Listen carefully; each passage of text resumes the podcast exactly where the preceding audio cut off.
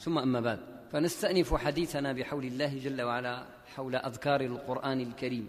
مستأنفين ومتابعين الحديث حول توابع آية الكرسي بما سبق بيانه حول هذه الآية العظيمة من التعريف بالله جل وعلا مما لا نظير له في كتاب الله القرآن العظيم.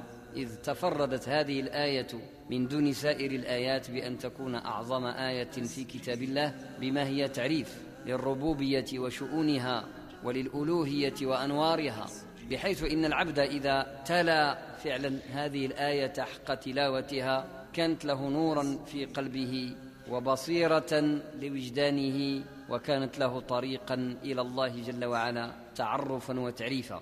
وقد ذكر في الآثار أن آيتين بعدها تضاف إليها في ذكر الله جل وعلا. وفي تلاوة الأذكار من القرآن العظيم مما يدأب المؤمن على ترديده كل يوم. وذلك قول الله جل وعلا لا إكراه في الدين.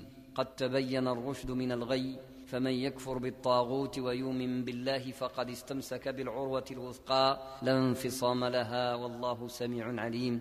الله ولي الذين آمنوا يخرجهم من الظلمات إلى النور. والذين كفروا أولياؤهم الطاغوت يخرجونهم من النور إلى الظلمات. أولئك أصحاب النار هم فيها خالدون. كان من جمال تناسق القرآن العظيم وكمال ترتيبه. أن جاء هذا التعبير الرباني العجيب لا إكراه في الدين. جاء بعد آية الكرسي مباشرة لا إكراه في الدين. قد تبين الرشد من الغي. وهذا أمر في صيغة الخبر أو خبر في معنى الإنشاء كما يعبرون في البلاغة والأصول. يعني أن رب العالمين لما قال لنا لا إكراه في الدين ماشي فقط المعنى الذي يستفاد هو أن الدين ما فيه شيء بزز ما فيش الإكراه. فيه معنى آخر يقال وهو المقصود أصالة أي لا تكرهوا أحدا على الدين.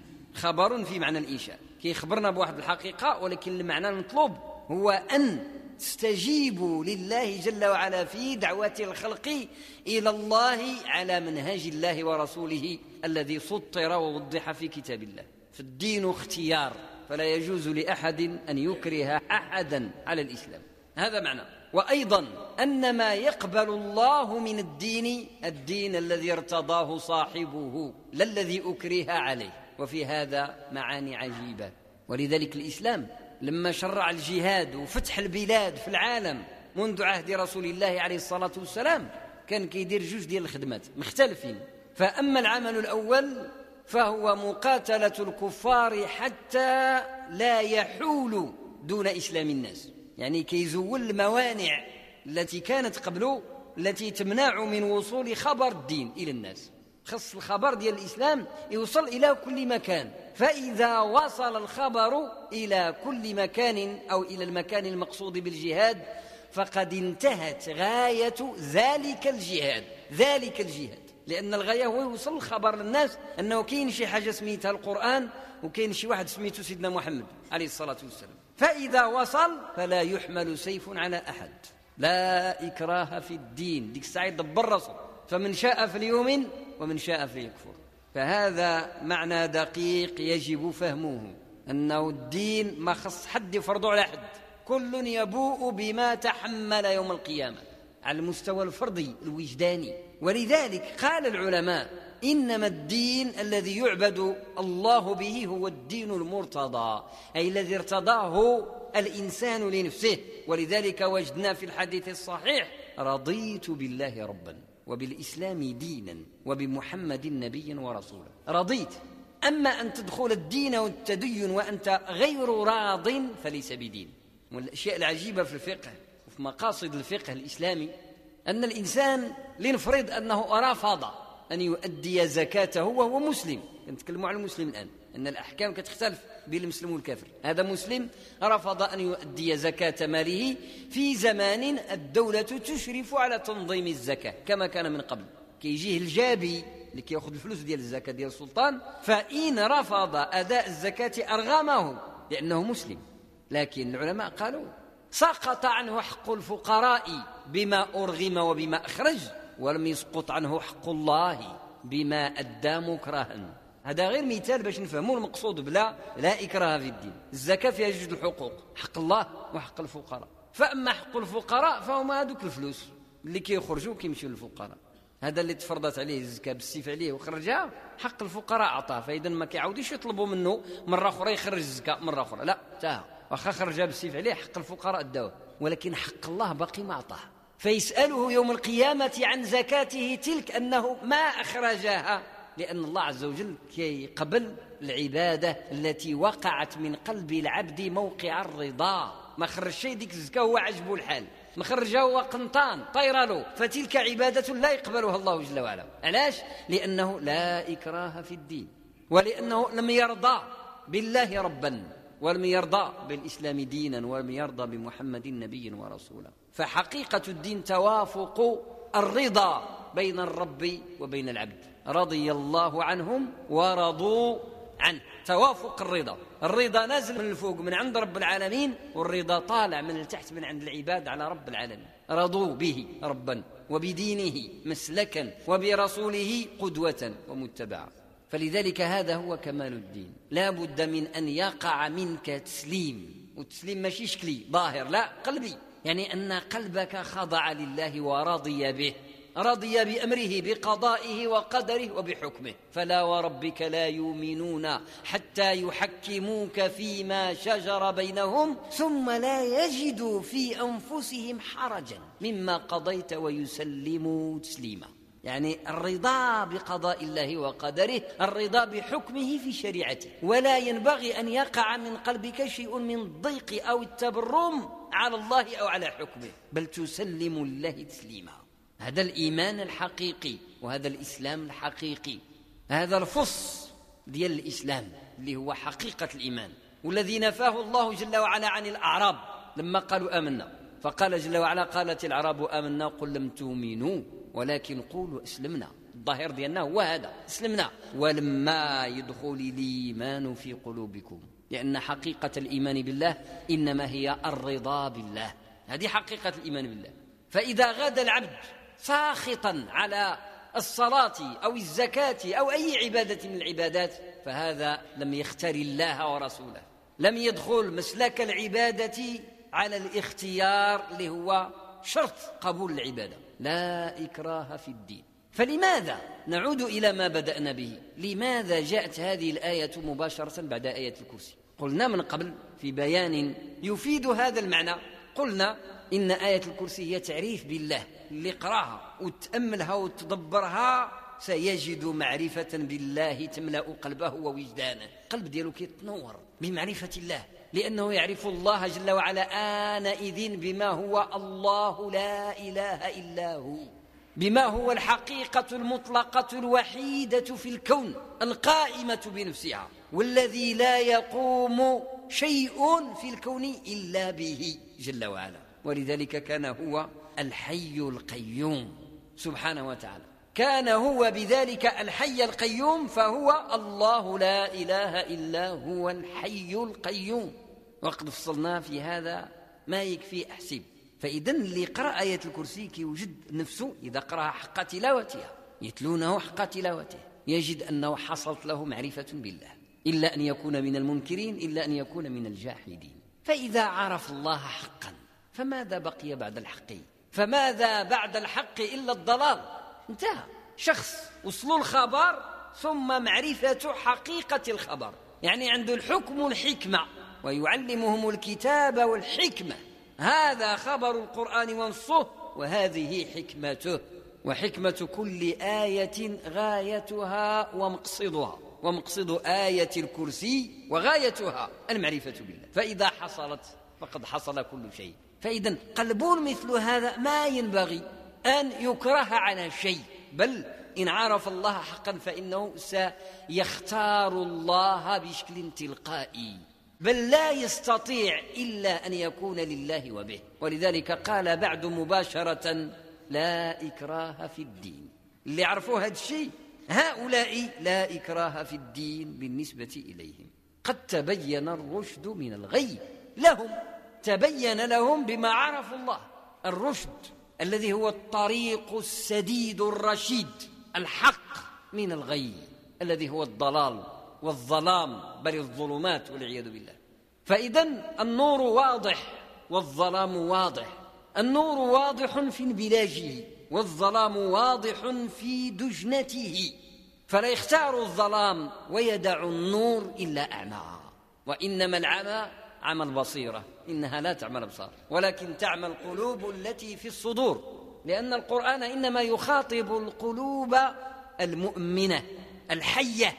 أما الميتة فلا كلام معها لأنها كفرت وماتت وجمدت على الكفر فلا أمل فيها إلا أن يحييها الله جل وعلا. وهو على كل شيء قدير. المؤمن إذا إذا تعرف إلى الله من خلال كتابه القرآن العظيم وكفى بكتاب الله معرفا بالله. كفى بكتاب الله معرفا بالله. فمن أضرب عن القرآن في طريق المعرفة على أن يختار كتاب فلان أو علان طلبا للمعرفة فقد ضل ضلالا بعيدا. يخلي القرآن العظيم الذي هو كلام الله وأصدق وأدق تعريف بالله إنما هو كلامه. واحد الغلط كيكون عند بعض الناس سبحان الله العظيم يخلي كلام الله جل وعلا في أمور المعرفة الربانية والعبادة ويمشي لأشياء فهمها فلان وعلان. هذا خطير على مستوى العقيدة. يكون عنده العقيدة ديالو مهزوزة وما يخبر لراسه لأنه اش كيدير في هذيك اللحظة؟ إنه يعتقد من حيث لا يدري أن فلانا أعرف بالله من الله. هذا خطر. في العقيدة ذكرت. وجهل فظيع. إنما المعرف بالله هو الله. ولذلك لن تجد أصدق ولا أوضح ولا أبين من كتاب الله في التعريف بالله. لدرجة أنك بعض الحالات لا تجد. عبارة تفسر لك كلمة من كتاب الله ماشي لأنها صعيبة لأنها سهلة لأنها بينة. بعض الأحيان كتبغي تشرح كلمة تفسرها ما كتلقاش شي كلمة كتفسرها. لأن شنو هو التفسير؟ التفسير كيشرح كيبين. فهذيك الكلمة في القرآن هي من البيان. باينة باينة بحيث أنه إلا بغيت تقلب على شي كلمة تبينها بها كتلقى ديك الكلمة اللي أنت تجيبها تبينها بها هي محتاجة اللي يبينها بعدا ولذلك قال الحق في سياق الذكر يعني سياق الذكر بالقرآن. ولقد يسرنا القرآن للذكر فهل من مدكر؟ هذا نص واضح في هذا المعنى الذي نحن فيه. يعني اللي بغى فعلا توقع له المعرفة بالله حقا في قلبه ووجدانه فلا ينصرف عن القرآن إلى غيره إلا بعد أن يأخذ حظه من القرآن وافرا. فلذلك التعريف القرآني بالله هو أكمل تعريف وأصدق تعريف وأوضح تعريف. وقد جاءت آية الكرسي بما يكفي ويشفي. في هذا المعنى الذي نحن بصدده. غير خصنا نتأملوا. يعني نحاولوا نخليوا الكلمات القرآنية تروج في الدين ديالنا شوية. راه عندنا واحد المشكلة بحيث أنه بعض الكلمات كنظنوها يعني ما هز والو من المعنى بسبب الولف والعادة وهي تحمل من الثقل ما الله به عليم. والقرآن كله ثقيل آياته وصوره بالأحرف. إنا سنلقي عليك قولا ثقيلا. ثقيل بما حمل من النور وجلال العظمة الربانية. يعني واحد المثل عربي عند العرب شي واحد قالوا ليه شرح لنا الماء؟ شنو هو الماء؟ فسروا أعطينا تعريف ديال الماء. بدا يقلب والماء سهل. حنا كنقولوا هذه سهلة بحال الماء. بدا يقلب ما لقى حتى شي كلمة نهائيا اللي كتشرح الماء اطلاقا. وهذه اللغات ماشي غير العربية اللغات العالمية دونك فابحث عن كلمة مرادفة للماء. ابدا واش موجودة؟ صبر حتى عيا قال لهم الماء هو الماء. فقالت العرب كلمتها أو مأثورتها وفسر الماء بعد الجهد بالماء. يعني اجتهد وتمحن وتكرفص وفكر ودبر في الآخر قال لهم الماء هو الماء. لا يوجد عديل ولا بديل لكلمات الله. وإنما يؤخذ العلم عن الله عن الله وإنما تؤخذ المعرفة بالله من الله. لا إكراه في الدين للذين تدبروا. لا إله إلا الله. هذه الكلمة التي نتداولها يتداولها المسلمون في كل مكان وفي كل زمان. لو تدبرتها غير تأملها تروجها في الدين ديالك تعيش بها واحد الأيامات تجد أن لها أنوارا عجيبة قلما كنت تنتبه أو ربما ما انتبهت إليها من قبل في حياتك. لأنها من كلام الله جل وعلا. وتعبر عن ذات الخالق الحق المطلق النور الباهر نور السماوات والأرض. والله جل وعلا هو نور السماوات والأرض. قد تبين تبين. والقرآن يعبر عن نفسه بنفسه. تبين بمعنى وضح وضح لواحد درجة ما بقي من بعدها إيضاح ولا إمكان للوضوح. الحاجة إلى بانت بزاف بحيث أنه ما بقاش من وراها شي شي بيان وشي وضوح قد هذاك الشيء. كيستعملوا أي العرب تبين لأنه كاين بان كما كنقولوا بالدارجة بان بان أي ظهر وتبين. يعني بان بزاف حتى يتبين لكم الخيط الأبيض من الخيط الأسود من الفجر. تجيب واحد ضعيف في البصر ديالو ضعيف في البصر تقول له شوف شنو هذاك في السماء يقول لك الفجر. ماشي تجيب يعني واحد اللي كيشوف مزيان دقيق النظر وتقول له شنو هذاك يقول لك الفجر. لا هذيك تقول له بان الفجر. أما تبين جيب الضعيف اللي ما كيشوفش مزيان. من اللي يشوف الفجر فذلك فجر ماشي بائن بين تبين. واضح واضح. يعني إيش باقي من وراه؟ باقي من وراه الشمس. هذا معنى يعني بيان ما بقي بعده بيان. إذا إلى زاد الشمس ما بقى شيء الفجر انتهى ما بقى فجر فكذلك ليس بعد بيان الله جل وعلا لذاته والمعرفة به بيان. نهائيا. غيدور في خالد بعض الناس السنة. صحيح. السنة في بيان الأحكام الشرعية من حيث العمل. صلوا كما رأيتموني أصلي. يعني اللي بغى البيان ديال القرآن على المستوى البشري. شوف القرآن مطبق تشوف القرآن في الشكل ديالو تطبيق البشري. كان قرآنا عليه الصلاة والسلام كان قرآنا يمشي بين الناس وفي الحديث الصحيح كان خلقه القرآن. فلذلك احتجنا إلى بيان من ضرب آخر وهو البيان البشري للقرآن لكن البيان البشري اللي هو في أرقى. درجات البشرية وهو مرتبة النبوة اللي رب العالمين هو اللي كيختارها ويصطفيها باش كنشوفوا النموذج ديال بنادم كيفاش كيطبق الدين. فجاء بيانه عليه الصلاة والسلام على هيئة البشر. ما جايش البيان ديال سيدنا محمد على هيئة الملائكة. جاء البيان ديالو على هيئة البشر في قوله وفعله وتقريره. أما بيان الله فشكل آخر. حاشاه سبحانه وتعالى أن يكون على هيئة البشر. فبيان الله إنما يربط القلوب به مباشرة. ما فيش الواسطة البشرية. ولذلك لا يكون بيان الله إلا نورا يقذف في قلب العبد. وهي الآية التي نرددها كثيرا وإذا سألك عبادي عني فإني قريب. والحديث الحسن وقد حسنه صاحب صحيح الجامع الصغير إن لله تعالى آنية من أهل الأرض وآنية ربكم قلوب عباده الصالحين. وأقربها ألينها وأرقها. وسبق قول ابن عباس رضي الله عنهما في قوله جل وعلا الله نور السماوات والأرض مثل نوره كمشكاة فيها مصباح المصباح في زجاجة الزجاجة كأنها كوكب دري يوقد من شجرة مباركة زيتونة لا شرقية ولا غربية يكاد زيتها يضيء ولو لم تمسسه نار نور على نور يهدي الله لنوره من يشاء ويضرب الله الأمثال للناس والله بكل شيء عليم. أنه قال ابن عباس أنه قلب العبد المؤمن. قلب العبد الذي يتأثر بنور الله الذي يتجلى عليه. الله ينير كل شيء في الكون. الله نور السماوات والأرض. لا نور في الكون في الحياة إلا وهو مستمد من المصدر الأعلى للنور اللي هو النور الحق. والنور اسم من اسماء الله الحسنى. ما كاينش شي نور في الكون. بما في ذلك ضياء الشمس أو نور القمر أو مما يشعله الإنسان ويقدعه ابن آدم كل نور إلا وهو مستمد من النور الأصلي اللي هو النور الحق نور الله جل وعلا. وقلب العبد المؤمن أيضا. اشبه ما يكون بالسراج. بحال البوله سراج. يوقد من نور الله جل وعلا. عبر زيت القرآن. مثل ديال الزيتونة ما؟ مثل به للقرآن. ولذلك قال يكاد زيتها يضيء ولو لم تمسسه نار. الزيت ديال العود ديال الزيتون قريب يشعل بالضوء. غير كتشوف فيه كيبرق. النور قريب يخرج منه قبل ما دير فيه النار. يكاد زيتها يضيء ولو لم تمسسه نار. نور على نور. فذلك هو القرآن إذا إذا وقع بقلب العبد المؤمن. القرآن بوحده بلا ما تقرأه بلا ما تقرأه قريب يدير الضوء. له نوره الخاص. ولذلك فعلا أحرف القرآن كلمات القرآن منيرة بذاتها بما لا يفهمه العقل ولا يدركه أحد.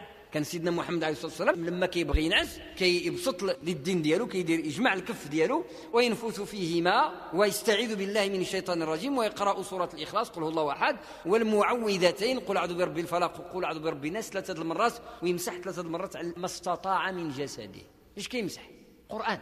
تقرأ رغم أنه انتهى من بعد القراءة. القراءة صوت صوت. والصوت يعني على مستوى الأذن كينقطع بمجرد السكوت. ولكن النور ديال القرآن سر لا يدركه العقل. فيبقى مع ذلك ويتمسح به النبي عليه الصلاة والسلام يمسح ما استطاع من جسده بكفيه عليه الصلاة والسلام بباطن كفيه لأن باطن الكفين آنئذ حمل ما حمل من النور. يكاد زيتها يضيء ولو لم تمسسه نار. فما بالك؟ إذا قرأه العبد وتلاه حق تلاوته وما بالك إذا صار له وصفا اللي كيتحول القرآن ويولي صفة من الصفات ديال كان خلقه القرآن. ماشي غير كيقرأ الحمد لله بل هو من الحامدين. ولا له الحمد صفة من الصفات. وهكذا ذلك كل آية من الآيات. فإذا صارت آية الكرسي لك صفة. ماشي معنى أنك يعني طلعت لمنزلة الربوبية حاشا ولكن المقصود لأنه كان خلقه القرآن كان خلقه القرآن أي كل القرآن لأن التعبير ديال ال يفيد الاستغراق. فما تعلق من القرآن بذات الله وصفا كيف يصير لنا خلقا؟ يصير لنا خلقا حينما يصبح لنا ذلك الآي معرفة. كتولي آية الكرسي مكسوبة عندك أنت كتكسبها.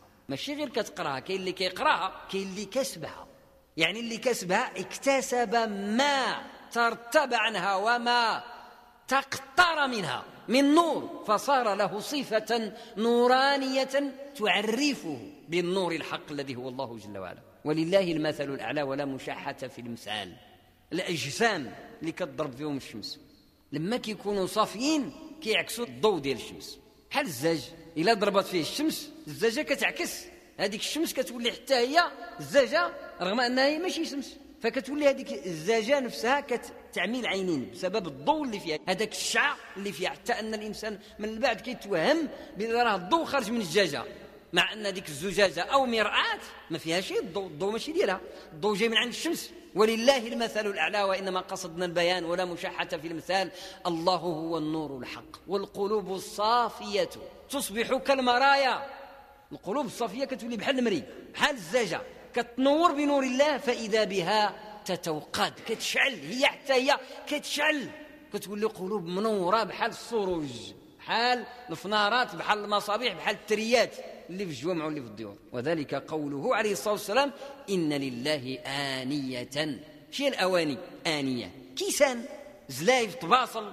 يعني شي إناء كيحمل شي حاجة. وهذه الآنية هي القلوب. إن لله تعالى آنية من أهل الأرض وآنية ربكم قلوب عباده الصالحين. فإذا صلحت لأنها خصها تكون غير الصالحين صلحت القلوب صفت وشفت. كتولي شفافة كتبين. شفت فعكست النور الذي تتلوه والذي تنصت إليه فصارت لها معرفة. المعرفة بالله كتخلي القلب شفاف نظيف مري. ولذلك لا يكون القلب بعد آية الكرسي إلا مؤمنا حقا أو كافرا حقا. تا إما هكذا إما هكذا. ما كتبقى دابا بعد آية الكرسي. إما مؤمنا حقا وإما كافرا حقا. ولهذا قال لا إكراه في الدين. قد تبين واضح جدا. النور واضح قوي مشرق برهانه ساطع على قلب من قرأ وتدبر. لا إكراه في الدين. قد تبين الرشد من الغي. جوج اللي عندنا فمن يكفر بالطاغوت ويؤمن بالله فقد استمسك بالعروة الوثقى. لا انفصام لها اللي يكفر بالطاغوت اللي هو كل متمرد على الله. كان بنادم كان شيطان كان حجر كان شجر كيف ما كان. كان فكرة. ممكن الطاغوت يكون فكر فكر متمرد على الله جل وعلا. يحاد الله ورسوله يريد أن ينقض أصول الدين وأن يحرف شريعة المسلمين. هذا طاغوت. فمن يكفر بالطاغوت ويؤمن بالله. لأنه عرف عرف أنه النور الحق أنه الحق المطلق الذي في هذا الوجود. وأن لا شيء يقوم إلا به جل وعلا. هذا هذا النوع ديال هذا بنادم فقد استمسك بالعروة الوثقى. الرب العظيم عبر بهذا التعبير استمسك. ماشي غير أمسك. الألف والسين والتاء للطلب يعني شاد وباغي يشد عنده إرادة الإمساك. قوية. لأن يعني كاين اللي شد وصافي شاف الناس شادين وشد حتى هو. كأغلب المسلمين في هذا الزمان. إسلام بالوراثة بالتقليد. لكن هؤلاء العرفاء العارفون مستمسكون. شاد وعارف الشد. ولذلك قالوا من عرف ما قصد هان عليه ما وجد. كي وجد. ولو وجد العانة والمشاكل والعذاب يعيش لذة لأنه عرف أنه قد استمسك بباب الله العروة الوثقى. هذا باب ديال الله تعالى شد في الخرصة ديال باب الله جل وعلا. فهو في حصن حصين. أمين. لا يلحقه أذى لأنه صار عبد الله حقا. وكل ما نسب إلى الله كان محميا بالله. غير كن عبد الله حقيقي تكن لله ويكون الله لك. فقد استمسك بالعروة الوثقى. شادة. هو شد هي شدة. حتى حاجة ما كتزول لا انفصام لها. عمرها ما تهرس. عمرها ما تحل. عمرها ما تنصل. هذه المعاني العظيمة. إنما هي أنوار تسربت إلى القلب فأضاءته بل أشرقت على القلب فأضاءته بما عرف من الله من آية الكرسي. ما يمكنش تجي آية الكرسي في القرآن ويدير نقطة ويرجع للسطر ويبدأ كلام يعني ما عندوش علاقة بحقائق الإيمان الكبرى. هذه راه آية الكرسي.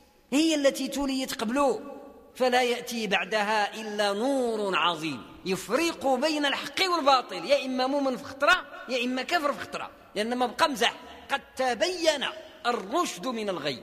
فمن يكفر بالطاغوت ويؤمن بالله فقد استمسك بالعروة الوثقى لا انفصام لها والله سميع عليم. سميع عليم. سميع لمقالتك. إن قلت أنا منهم عليم بحقيقة مقالتك في قلبك. كل يدعي كل واحد يقول أنا أنا أنا أنا مسلم أنا أنا. ولكن بما سمع الله كلامك علم حقيقته في قلبك. راه قالت الأعراب من قبل قالت العرب آمنا سمعها ولكن علم أيضا أنهم كاذبون ففضحهم. قالت العرب آمنا قل لم تؤمنوا ولكن قولوا أسلمنا. علاش لأنهم جاءوا إلى رسول الله يمنون عليه. كيتفخموا عليه؟ واش دار لك؟ إحنا سلمنا لك. يمنون عليك أن اسلموا قل لا تمنوا علي إسلامكم. بل الله يمن عليكم أن هداكم للإيمان وأخطر شيء يدمر العبادة ويبعد عن الله أن يدخلك إبليس من باب المن. لما يبدأ يشعرك إبليس بالله راك أنت بخير صلي مزيان مقابل مزيان عرب بالله راك قبضت طريق الهاوية. تماما. فاحذر أن يقع بقلبك شيء من المن وقد حذر منه الله رسوله.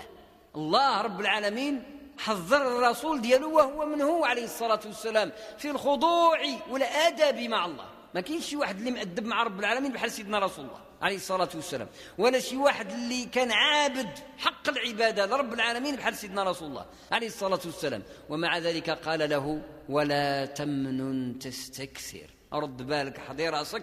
تمشي تشعر باللي راك يعني درت بزاف ديال العبادة وقمت الليل وفعلت وتركت. فذلك تلبيس من تلبيسات إبليس ولا تمنن تستكثر.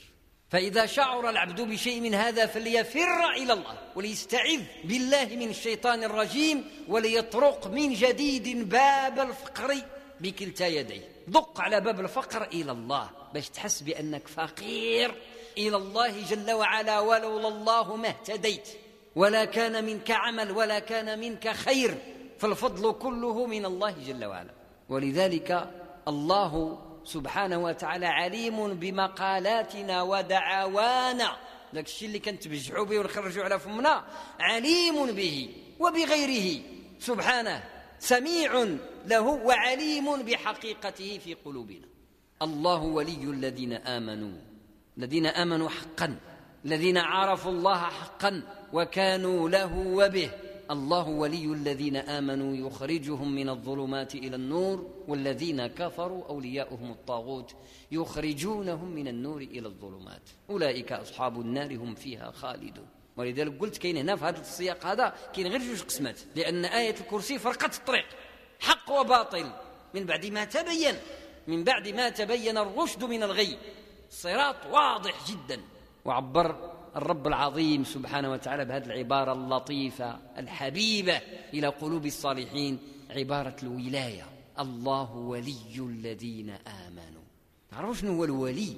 الولي إذا وصف به الله جل وعلا ما كيتوصف به الله سبحانه وتعالى ويتقال بأنه ولي الذين آمنوا ولي المتقين ولي المؤمنين يعني أنه مولاهم مولاهم لكن بشكل مخصوص. هي ربوبية مخصوصة. هو رب العالمين كاملين ولكن رب في أمين الناس بشكل خاص أو أخص. لما؟ فيها الرعاية فيها الرعاية. هذه الرعاية نابعة من المحبة وكمال الرضا. يعني أن الله رضي عن هذا العبد بما خضع وبما خشع وبما تبرأ من كل حول وقوة. وجعل عبوديته خالصة لله الواحد القهار فآنئذ كان الله له وليا. كيقول رب العالمين الإبليس كيقول له هادو دياولي ما غاديش تقدر توصل لهم ولذلك قال في الحديث القدسي من عادى لي وليا فقد آذنته بالحرب. كان ممكن يقول من عادى وليا. لا قال لي لي انت عندك مملوكات عندك دارك عندك سيارتك عندك ولادك. كيمكن لك تقول اللي قاس الدار أو قاس الأولاد ندير له ونفعل له. ولكن ملي كتقول اللي قاس ليا الدار وقاس ليا الأولاد نفعل له ونترك له. هذيك ليا اللي كتستعمل راه الدارجة العامية مؤصلة من العربية. بقى السياق سبحان الله نفسه. ما تغير منه إلا الأشكال والمخارج. أما المعنى البلاغي فهو واحد. هذيك لي اللي كتستعملها بعاميتك أو بفصحاك فيها معنى التخصيص. يعني منطقة خاصة محرمة على الغير على العابرين. خصوص ديالي ماشي ديال غيري. لا مجال لإبليس بأن يطأ هناك أو أن يقتحم هناك بل لا مجال له حتى في الاقتراب. أولياء الله فعلا لا خوف عليهم ولا هم يحزنون. لما؟ لأنهم أمنوا. دخلهم الأمان والأمن في القلوب ديالهم. وقد سبق القول إلى أن كلمة الإيمان الإيمان بالله. ما سميت كذلك إلا لأن الجذر ديالها جذرها اللغوي العربي تأصل من كلمة آمن يأمن. ما الأمن؟ الإيمان من الأمن أي أن القلب عرف الله فآمن. كتحصل واحد السكينة وأمن وطمأنينة روحية عجيبة. فسمي المؤمن مؤمنا بما وقع بقلبه من الأمن لأنه استند إلى الله. ورجع إلى الله واستجار بالله واستعاذ به. ومن لجأ إلى الله كان من الآمنين. فالمؤمن عارف بالله راجع إلى الله مستند إلى الله وبذلك كان من الآمنين. ولما كيوصل هذا المعنى؟ لواحد الدرجة عالية تكون تلك هي الولاية. يكون هذا العبد وليا لله ويكون الله وليا له. فالله ولي الله أي بمعنى أنه راعيه رعاية خاصة. هو الحي القيوم للكون كله ولكن هذا النوع من المؤمنين له جل وعلا عليهم رعاية خاصة كما صنع برسله وأنبيائه ثم بعدهم مباشرة بأوليائه اللي كيتسموا الصديقون كأبي بكر الصديق رضي الله عنه. خصوص هذا المعنى العجيب الذي ينطق به القرآن صراحة. مع الأسف الناس ضيعوه. وفين ما شافوا واحد مبهدل مقطع ممزق ما يتوضا ما يصلي يقولوا ولي. وهو شيطان مريد. يعني تحولت الحقائق الغيبية العلمية إلى خرافات في الممارسات الشعبية. وهذا ضيع كثير من المعاني في القرآن وخلات حتى الناس كينفروا من كلمة ولي ما كيبغيوهاش. وهي كلمة قرآنية أصيلة ربانية ذات أنوار. ما عندكش الحق تنكر هذه الكلمة من حيث هي عبارة قرآنية لها دلالتها الخاصة. إلى شي واحد حرف المعنى في الممارسة ديالو يبوء بإثمه يوم القيامة. ماشي واحد عوج لنا كلمة حنا نتخلاو على ديك الكلمة كاع ما نستعملوهاش. هذا راه غلط. بل هنالك أولياء الله حقا وصدقا. ورب أشعاث أغبار لو أقسم على الله لا أبره كاين. وأحاديثه صحيحة. مليحة. من عادى لي وليا فقد آذنته بالحرب. الأولياء محبوبون بخصوص المحبة. محبة خاصة بينهم وبين رب العالمين. رضي الله عنهم ورضوا عنه. فهم أولياء لله والله ولي له. وليهم أي راعيهم رعاية خاصة. هم أولياء لله. تجردوا عن كل سند إلا سند الله وحده لا شريك له. لا يعترف بشيء من الأسباب. وإنما يأخذ بمسبب الأسباب. ماشي معنى أنه ما يخدمش وما يجريش وما يأخذ في الأسباب لا. يأخذ بها من حيث هي آلات مسخرة ولا يعتقد فيها شيئا وإنما عقيدته في الله وحده. مشي يخدم يتاجر يخدم يعرق ويتحرك ويطرق الأبواب ديال الخير عملا بالأسباب ولكن على أساس أن رب العالمين راه هذيك الأسباب عبيد ديالو. ماشي آلهة. تبجل وتقدس في الأرض كلا إن كل الأسباب في الأرض سواء كانت أسباب معنوية أو بشرية أو مؤسسية ما هي إلا عبيد مسخرة سخرها رب العباد. فإذا وحد العبد ربه وأخلص قلبه له وحده كانت له هذه العبارة ودخل في مشمول قوله جل وعلا الله ولي الذين آمنوا يخرجهم من الظلمات إلى النور. يخرجهم من الظلمات إلى النور نور المعرفة بالله. يخرجهم من ظلمات الشرك يخرجهم من ظلمات الإلحاد يخرجهم من ظلمات التيه يخرجهم من ظلمات الحيرة والضلال يخرجهم من ظلمات عدم الثقة بالله. وهذا داء وبيل سيطر على كثير من المسلمين. عدم الثقة بالله. بغي يخرج الزكاة وخايف كيقول غادي ينقصوا الفلوس. اليقين التام أن المال لا ينقص بالزكاة والصدقة. وما نقص مال من صدقة حديث صحيح مليع.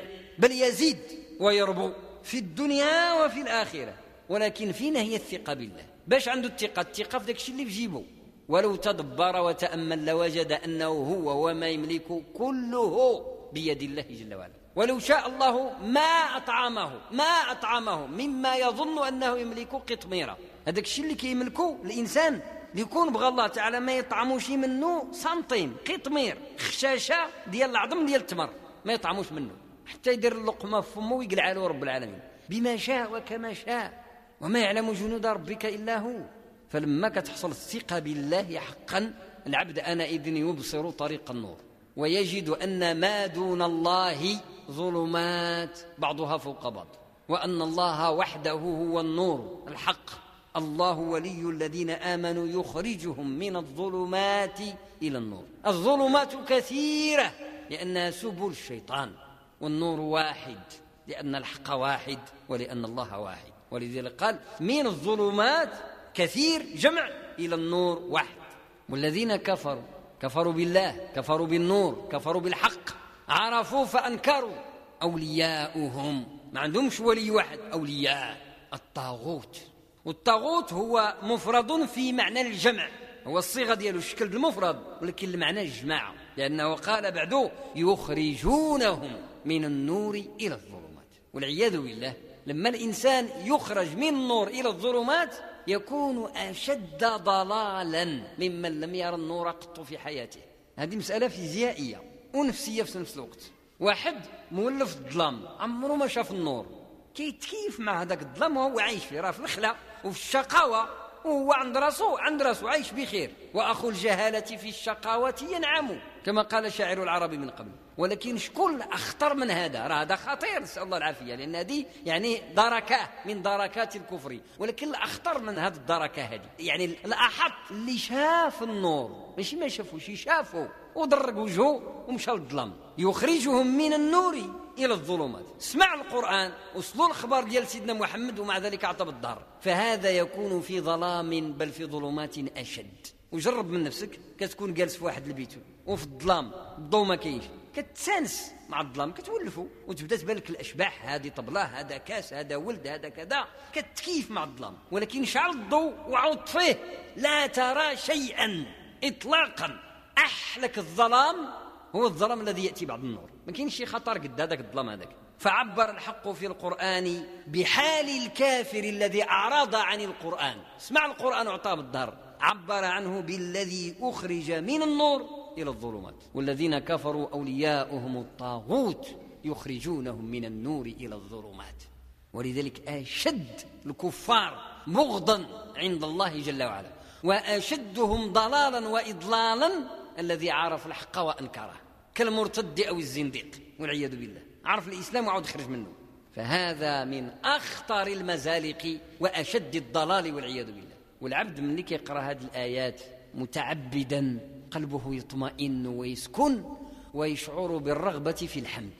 هذه من بين المقاصد ديال هذه الآيات التي ذكرت بخصوص ذكري بعد إيه الكرسي. سبحان الله العظيم الإنسان ملي يقرأ آية الكرسي وتحصل له هذاك الذوق ديال المعرفة بالله قل أو صغر ويعاود يجيه حال الإيمان الذي يأتي بعد قراءة قوله جل وعلا لا إكراه في الدين. كتجيك الرحمة في القلب بواحد الشكل عجيب وتجي سكينة وطمأنينة وتقر النفس وكتحمد الله أن جعلك من المسلمين ولم يجعلك من الكافرين. وكتحمد الله مرة أخرى أن أراك الحق ورزقك اتباعه. إن ممكن يوريك الحق ويفتنك عنه.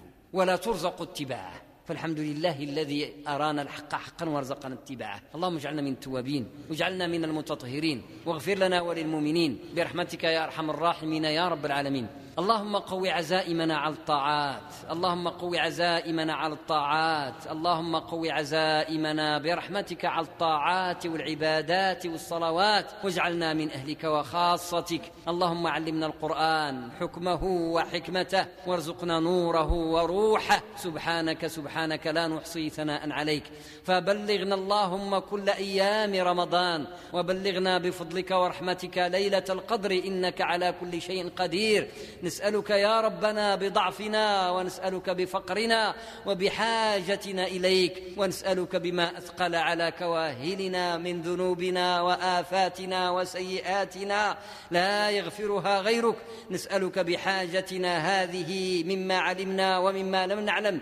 إليك وحدك لا شريك لك. نسألك أن تبلغنا كل رمضان قياما وصياما وتوحيدا وإخلاصا واجعلنا ممن شهد ليلة القدر قياما وصلاة وعبادة وتسبيحا واستغفارا. ونسألك مولانا أن تجعلنا ممن تفضلت بإنقاذهم من النار وبجعلهم من عتقاء النار. يا أرحم الراحمين يا رب العالمين. اللهم اكشف غمنا وفرج كربنا. اللهم يا ربنا اقض عنا ديوننا ووسع لنا في أرزاقنا وثبتنا على صراطك المستقيم. اللهم اشفنا من الأدواء والأمراض كلها ما علمنا منها وما لم نعلم. ونعوذ بك من كل وجع ونعوذ بك من كل ضيق ونعوذ بك من كل حاجة إلا الحاجة إليك وحدك لا شريك لك. اللهم اجعلنا من أهل الفردوس أهل الجنة أعلى الجنة ووسط الجنة. اللهم وقد حرمتنا من صحبة رسولك الكريم في الدنيا فلا تحرمنا برحمتك من صحبته في الآخرة. اللهم أعنا على ذلك بكثرة السجود وبكثرة الصلاة وبكثرة التلاوة وبكثرة العمل الصالح. وبارك لنا وبارك فينا وبارك منا وبارك حولنا ونجنا من المن ونجنا من الاستدراج ونعوذ بك أن نكون من المغرورين أو أن نكون من المخبولين أو المتخبطين. وثبتنا ثبتنا بالقول الثابت في الحياة الدنيا وفي الآخرة. وصل اللهم وسلم وبارك على سيد الأولين والآخرين. وآخر دعوانا أن الحمد لله رب العالمين. ودوما يتجدد اللقاء بمشيئة الله تعالى مع تحيات أبو هاجر. والسلام عليكم ورحمة الله وبركاته.